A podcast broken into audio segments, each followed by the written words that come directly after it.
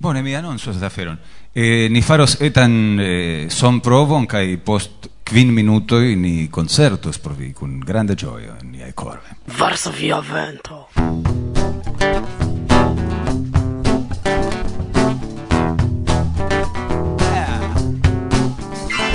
Perdita Perditaj en la mezo de ĝangal Ili verŝas akvon sian sur la teron ridetoi en visagioi gentilai Crescas kiel floroi en somero Aventur, plesur Amarai dolciai luctoi Venu ce mi Cai ni gustumos la fructoin Shake up, oh. What? Zeleni vagada stralar bar Bonšanse ni ne trovas, multajn bestojn in ni promenas trankvile La zorgojn ni postlasis en la che kestoj Aventur, plezur Amaraj il luktoj Venu ĉe mi mm. Einige stumos la fruktoj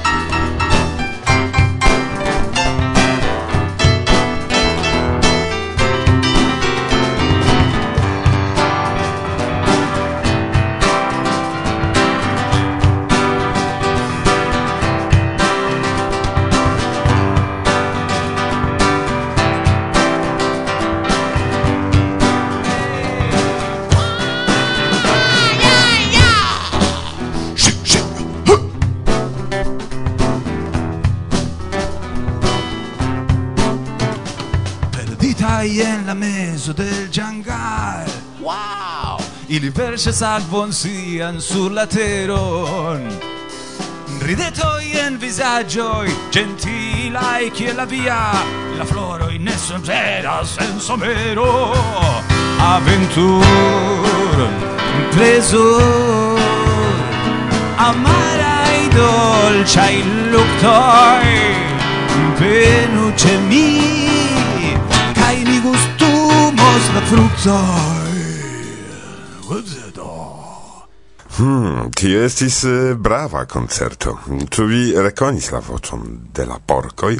Alejandro Cosabella el Argentino. Ale dum concerte, ale ne compareble pli bona ol sur cododiscoi, qui ancau ne malbonas. Kaj giuste, hodiaŭ la dudekan de octobro li festas naskiĝtagon same kiel mi. Cion do la play play play bonan, ale cara frato, saluto in el fora Porlando por vi. Kai koran dankon al vi ciui, kiui ne forgesis ancau pri mi en tiu ci tago. Agrable estas legi viajn mesaĝojn. La sebde quara el sento de Varsovia vento. Bon venon. Wow! Aventuron preso Amarai dolciai luctoi Venu ce mi Cai li gustumos la fructoi. Bella musico mancas la scandinava guto, sed povas esti. Pri kiu guto temas? Pri kiu? Me, me, me. Nu exemple, ja heter me, ja heter me, kopet kanios so mnie. Mi estas sub impreso de via talento, me. Oh, oh, dankon. Mi estas konata pri tio, ke mi belege kantas. uh, ne rigardu min. Bon bone, knabinoj, eble ni prezentiĝu, ĉar post la somero homoj eble ne rekonos nin. Nin? Min ne rekonos? Me, me, me ne rekonos? Mi estas Karina, mi havas dudek unu jarojn, mi loĝas en Varsovio, portempe, mia seksorientiĝo estas la sama kiel la mia. Knabinoj! O Jezu, to wyjdzie szedło z morza! knabinoj, simple sufiĉas nomoj. Nomoj? Nomoj de kiuj? Kaj kiu kun vi dum nokto promenadis tra Kievo, ha? Kiuj nomoj? Mi estas Karina, mi havas dudek unu jarojn. bone, bone. Mi diros niei aŭskultantoj, niaj karaj, fidelaj, sendube, antaŭ la mikrofono por vi, Goszka, Ruda, Karina kaj mi, Martusia. Yes. Muziko! Emene! Kaj kun kiu vi promenadis do Kievo? Rabiosa! Loka, loka, loka.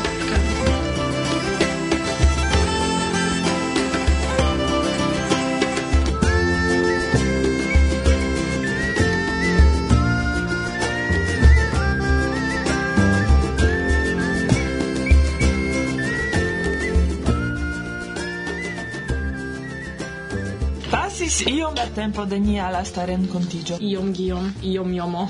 Pasis giom da tempo de nia lasta renkontiĝo. Jes, pasis. Sur mia kapo aperis sekva griza haro. Pro kio? Ne pro kio, sed pro kiu. Do pro kiu? Eble okupiĝu ni pri la aŭskultantoj, ne pri ni mem. Jes, mi konsentas. Hejme mi havas bonan haro farbon ruĝkoloran imagu. Ĉu vere? Mi mem ĝin ne uzas, vi scias, mi preferas iom pli malhelan. Ruĝkoloran koloran? Mi ŝatas. Ruĝkolora, nigra, verda, ne gravas. Verda ne gravas? Nu bone, la verda gravas, certe speciale por la aŭskultantoj. No, mi pensas. Ja neniu nin vidas, do kial gravas por tiuj, kiuj nur nin aŭdas. Ĉar temas pri la verda ideo, Esperanto. Yes, yes, yes, yes, yes, yes. Jes, aliĝu al jes. Jes, ĝuste venas fino de la dua aliĝ-periodo. Aliĝu nun Hm, por ne krompagi poste. Se vi venos alies, vi renkontos nin. Eĉ povostusi nin. Kaj miaj grizaj haroj. Oh, mi havas ideon. Eble dum konkursoj ni uzu tiun kelkajn grizajn harojn kiel premioj. Yes, kaj dum la jes mi fariĝos kalva, ĉar ĉiuj deziros premie miajn harojn. Mi ne konsentas. taga programo respondencas mi, do kial ne? Bona ideo kun haroj de ruda. Lasu miajn Pli bone ni parolu jam pri tiuj, kiuj laste reagis.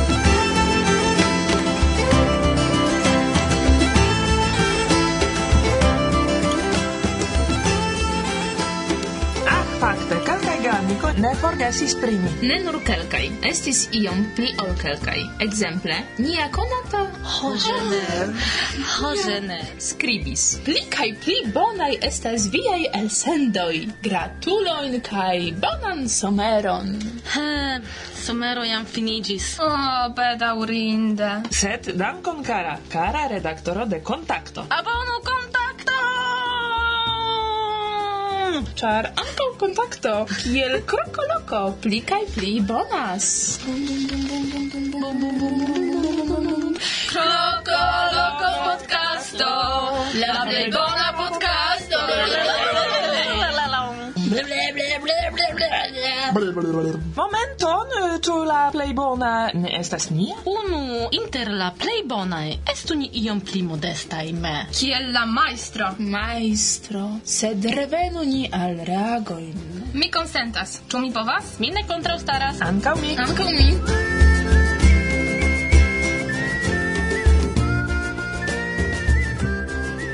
Do, Bira Fehera scribis. Mi reauscultis ĉi tiun elsendon kvar fojoj dum ĉi monato. Mi volas pli elsendojn. Kaj Mazi skribis: Elsendojn.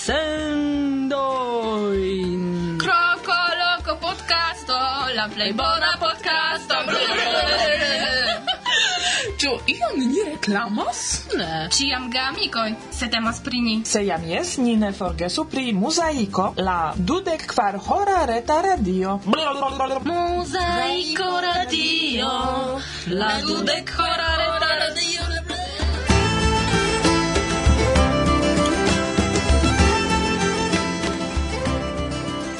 Krom krokoloko, karaj aŭskultu ankaŭ muzikon! Kaj aliajn, kompreneble. En tio de tempo al tempo aŭskultu la nian. Jes! Aliĝu al jes!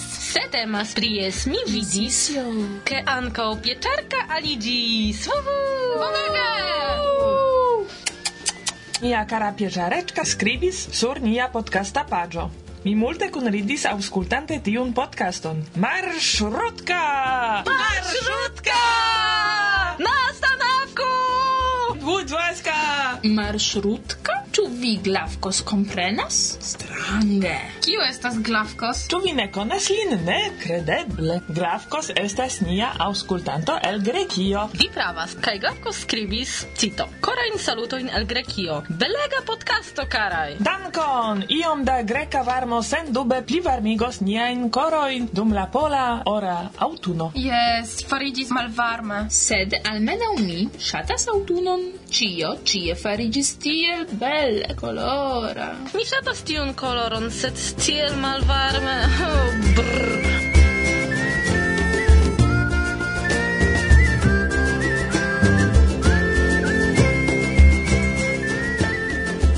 Aŭskultu Lopogo, vi sentos pli varme.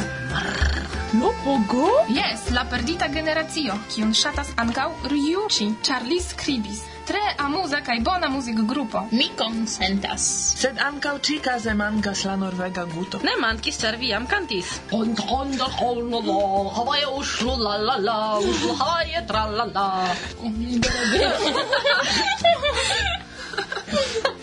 sed mi ne scias ĉu Ryuji min aŭdis. Aŭdis! Aŭdis, bedaŭrinde ĉiujn vin aŭdis. Domaĝe. Jes, domaĝe. Mi havas belan voĉon. Ne rigardu mian kantadon. Ehm, eble en la sekva sendo vi kantos. Nun permesu, ke mi legos lastan komenton. Erik skribis. Hej, ankaŭ ekzistas filmeto kie Jefo Festo 2011 okazas. Erik? Tiu Erik? Ne, tiu Erik estas Eric. Ah, Eric inicialoj doco? Ne, inicialoj, sed idoco nun. Ah, jes, ŝanĝiĝis la nomo. Dankon Erikau, Eric kaj niaj karaj aŭskultantoj, se vi interesiĝos pri tiu filmeto, rigardu la ligilon. Nepre! Muziko! Muzika!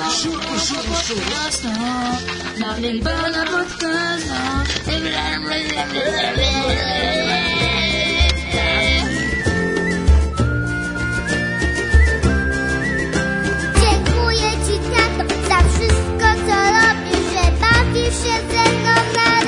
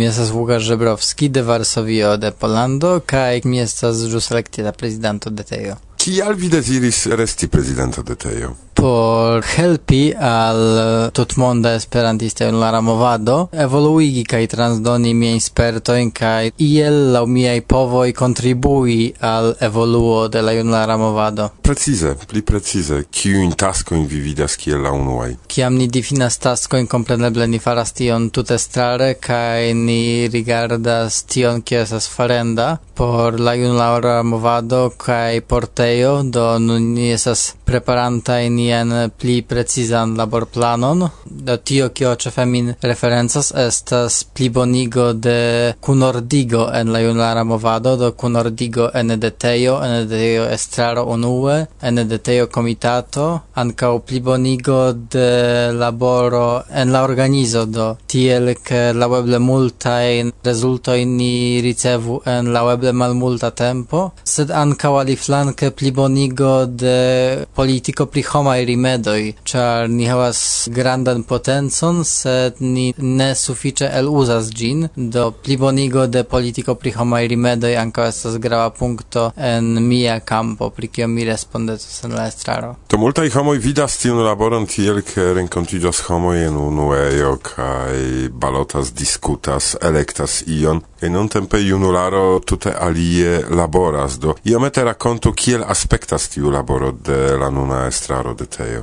Kompreneble ni laboras ĉefe interrete, ni considas do minimume unu foje monate per de Skype, sed kutime ni estas en kontakto multe pli ofte per diversaj retaj komunikiloj Fizike ni renkontiĝas minimume unu foje dum duana jaro en Rotterdamo aŭ en alia elektita deniloko, kaj do tie estas tiuj ĉefaj lokoj kaj rimedoj kie ni diskutas kaj decidas aferojn. Kiu nun estas en estraro de Zejo? Do, la generala sekretario estas sama kiel en la antaŭa estraro, Paulina Kožuchova el Slovakio. Kasisto estas Alisa Nikitina el Ukrainio. La unua vicprezidanto respondeca pri informado estas Sergej Tirin el Izraelo. La dua vicprezidanto respondeca pri eksteraj rilatoj estas Mikel Boris Mandirola el Italio. La tria vicprezidanto estas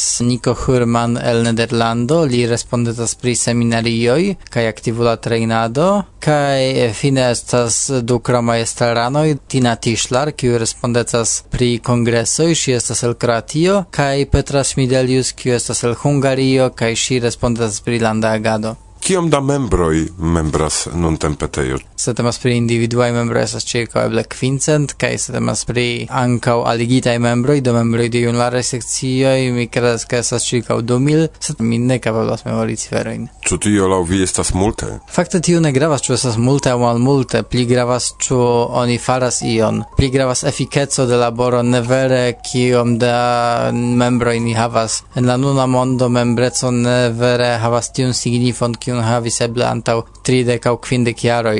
Nun pli gravas efikoj kaj tion kion oni atingas pere de tiuj homoj kiuj volas aktivi do pli valoras allogi homoj kiuj volas aktivi ol allogi amason kiu faras nenion. Pro tio mi tute ne tiom zorgas pri kiom da membroj ni havas, sed kiom da aktivuloj. Tio estas esence pli grava kiu estas la plej ĉefa plano por Tejo baldaŭ? Dependas kiun kampon oni enrigardas Exemple se temas pri informado, estas tiel ke teo faras sufiĉe multon, sed maltro eh, informas pri tio kaj do tio estas multe pli bonigenda en tiu kampo, ke tio kion faras teo estu transdonata pere de niaj komunikiloj al la membraro unue, al la Esperanto movado due kaj finfine ankaŭ al la ĝenerala publiko ekstermovada campo de culturo kiun ricevis Paulina Kożuchavola do general secretario Tiu campo en entute ne existis antaŭe en la plej lastaj estraroj. Nun ni esperas finfine ion fari en tiun direkton. Ekzemple laste ni subtenis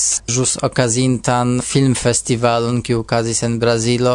Ni eh, esperas ke ankaŭ nia kultura aktivado pliboniĝos. Se temas pri kongresoj kaj ankaŭ seminarioj en la antaŭaj estraroj juaroj kutime tiuj eh, fakoj estis kunigitaj, estis unu persono kiu respondetis pri ambaŭ. Nun ni rimarkis, ke tio ne estas la plej bona solvo. Kutime estis tiel, ke ioko estis sufiĉe bone prizorgita, ĉar ĝi estas ja prioritata portejo, dum seminarioj, kiuj estis atribuitaj al la sama persono, ne sufiĉe estis traktita, ĉar ĝi estis io aldona. Do por prioritatigi la aktivulan trejnadon kaj okazigadon de seminario, specioj, ni decidis ke devas esti aparta persono kiu povas aparte pensi pri tio, prepari laborplanon kaj havi un koncepton de tio, kiel oni trejnas aktivulojn. Do pro tio nun oni dividis la kampojn de kongresoj disde aktivula trejnado Sekve se temas pri landa agado, ni havas relative multajn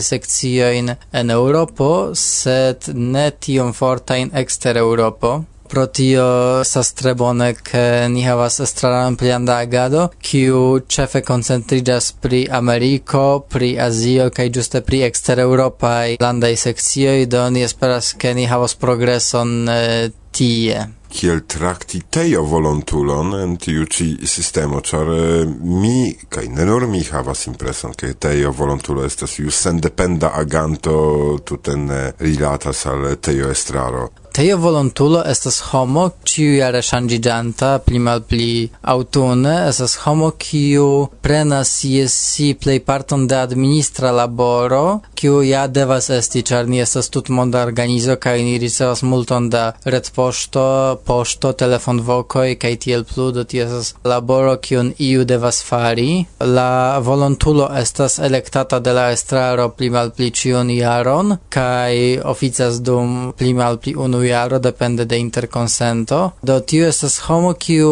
um, ne ricevas salajron, ĉar estas volontulo, sed uh, ricevas iom da poŝmono, kiu estas sufiĉa por eh, uh, vivteni sin kaj ankaŭ por iom ŝpari kai fakte ekde nun ni havos pli facilan situacion kai ankaŭ volontulo havas pli facilan situacion kai malpli de laboro char post multa jaro de laboro ni sukcesis pri projekto kiu celis havi oficiston. Do ekde nun ni havos duontempan oficiston kiu laboros por teo. Temas pri Manuela Ronco do antaŭa volontulo. Ŝi estos eksteroficeja oficisto do ne laboras en Rotterdamo sed kie ajn. Kai en ŝiaj taskoj estos ĉefe subvencipetado kaj administrado de financoj. Do ŝi malŝarĝos volontulon, sed ankaŭ grandparte kasiston, kiu havis ĝis nun tro da laboro. Do ni havas unu kromon homon por disdividi tiun laboron, kaj krome por krei novan, do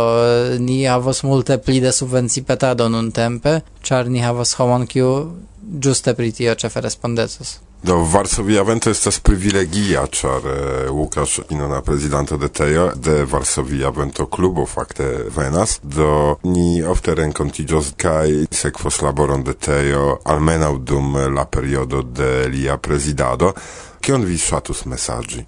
faru kion vi volas, faru kion vi sentas pri tio, kiel vi povas helpi la evoluigon de la movado, char ja ni ciui venis eh, al la movado por, por progresigi gin, sed ankaŭ por propra plezuro, do mi pensas, ke ciu el vi plei bone scias kion mem fari por evoluigo de la Esperanto-movado. Dankon. Dankon.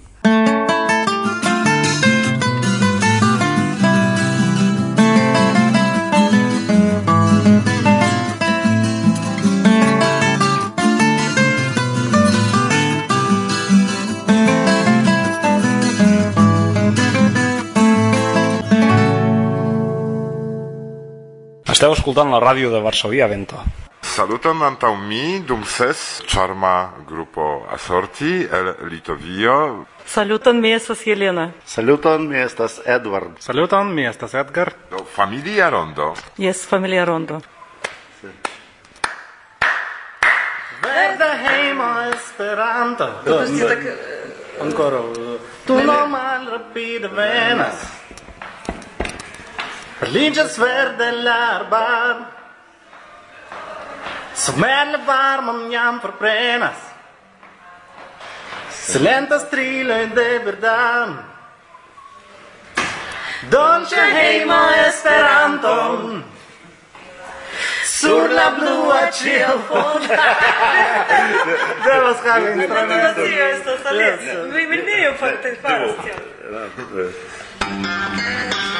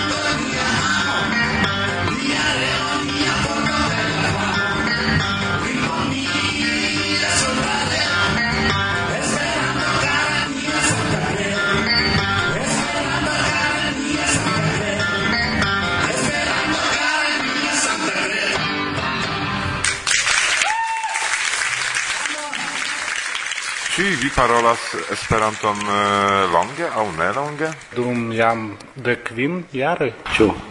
Povas esti. Eh, fakte oh. ni neniam lernis speciale, sed antaŭ multaj jaroj ni tre deziris havi internacian rilatoj kaj eh, pro tio ni lernis kelkai kantoj kaj partoprenis internaciajn aranĝojn. Mi pensas ke ni ĉiuj parolas dudekjare fakte, ĉar ĉi-jare estos dudekjariĝo de nia ensemblo. Ĉu tio estas kutima familia okupo aŭ simple vi studis muzikon kaj pro tio vi kune ludas? Ni ĉiuj tri estas instruistoj de muziko. Mi mi mem instruas pianon Кај хавас вокален групен? Да, ми инструас гитарон, анко перкусион јам ете, бас гитарон, кај патро. Ми анкао инструас, ет ми мем ечне конас нотој противни по вас плибоне инструи. Jes, ĉiuj ni laboras en la sama loko kaj havas propran son studion. Fakte ni ne ĉiam kune ludas, ĉar mi ludas ankaŭ aliaj grupoj, en litovaj famaj. Rokbandoj. Ne, ne nur. Ne, ne, estas diversaj muzikoj eh, de pop kaj bluzo kaj country kaj roko. Elektropop. Yes. Eh. De kie venas nomo Asorti? Tia nomo ekzistas jam tridek jara, ke mi kun Edward estis junaj, ni komencis ludi. Tie en tiu tempo ni estis ne edziĝintaj kaj ludis kune kaj nia amiko proponis al ni nomigi nian ensemble ansamblon Assorti, pro teo che ni divers specie muzikon ciam prezentis, en diversaj stiloj. En vortaro esperantistane troviĝas vorta Asorti. Se vi prenas eble unu spezzo de io ein, kaj alia speco, kai ancora alia, kai mixas en... Povas esti bombonoj, jes, en unu skatolo vi prenas bombonoin, kai vi ne scias, ĉu en ĝi estas au cioccolado au io alia tio nomigas assorte, est?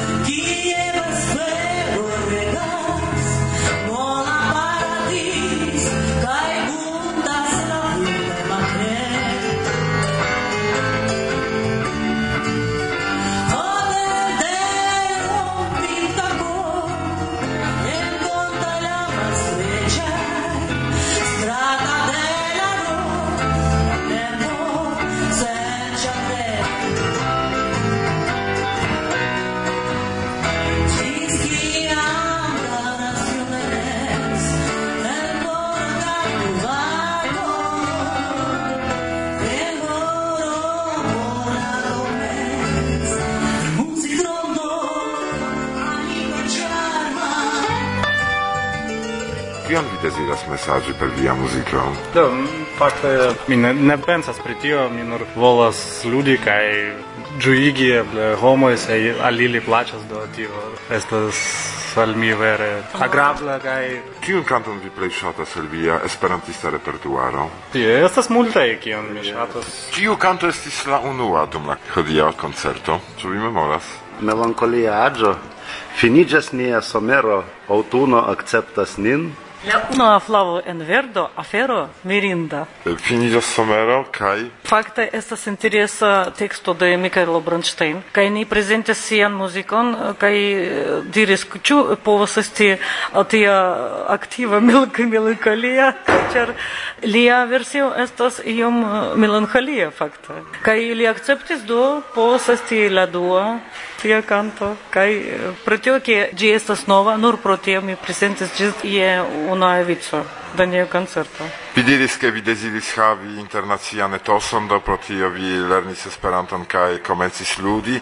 Kie vi prezentis vin? En multe lande eble dudek au pli. Al mi plej plaĉas en Japanio, eble ĉar mi estas eŭropano kaj tute alia.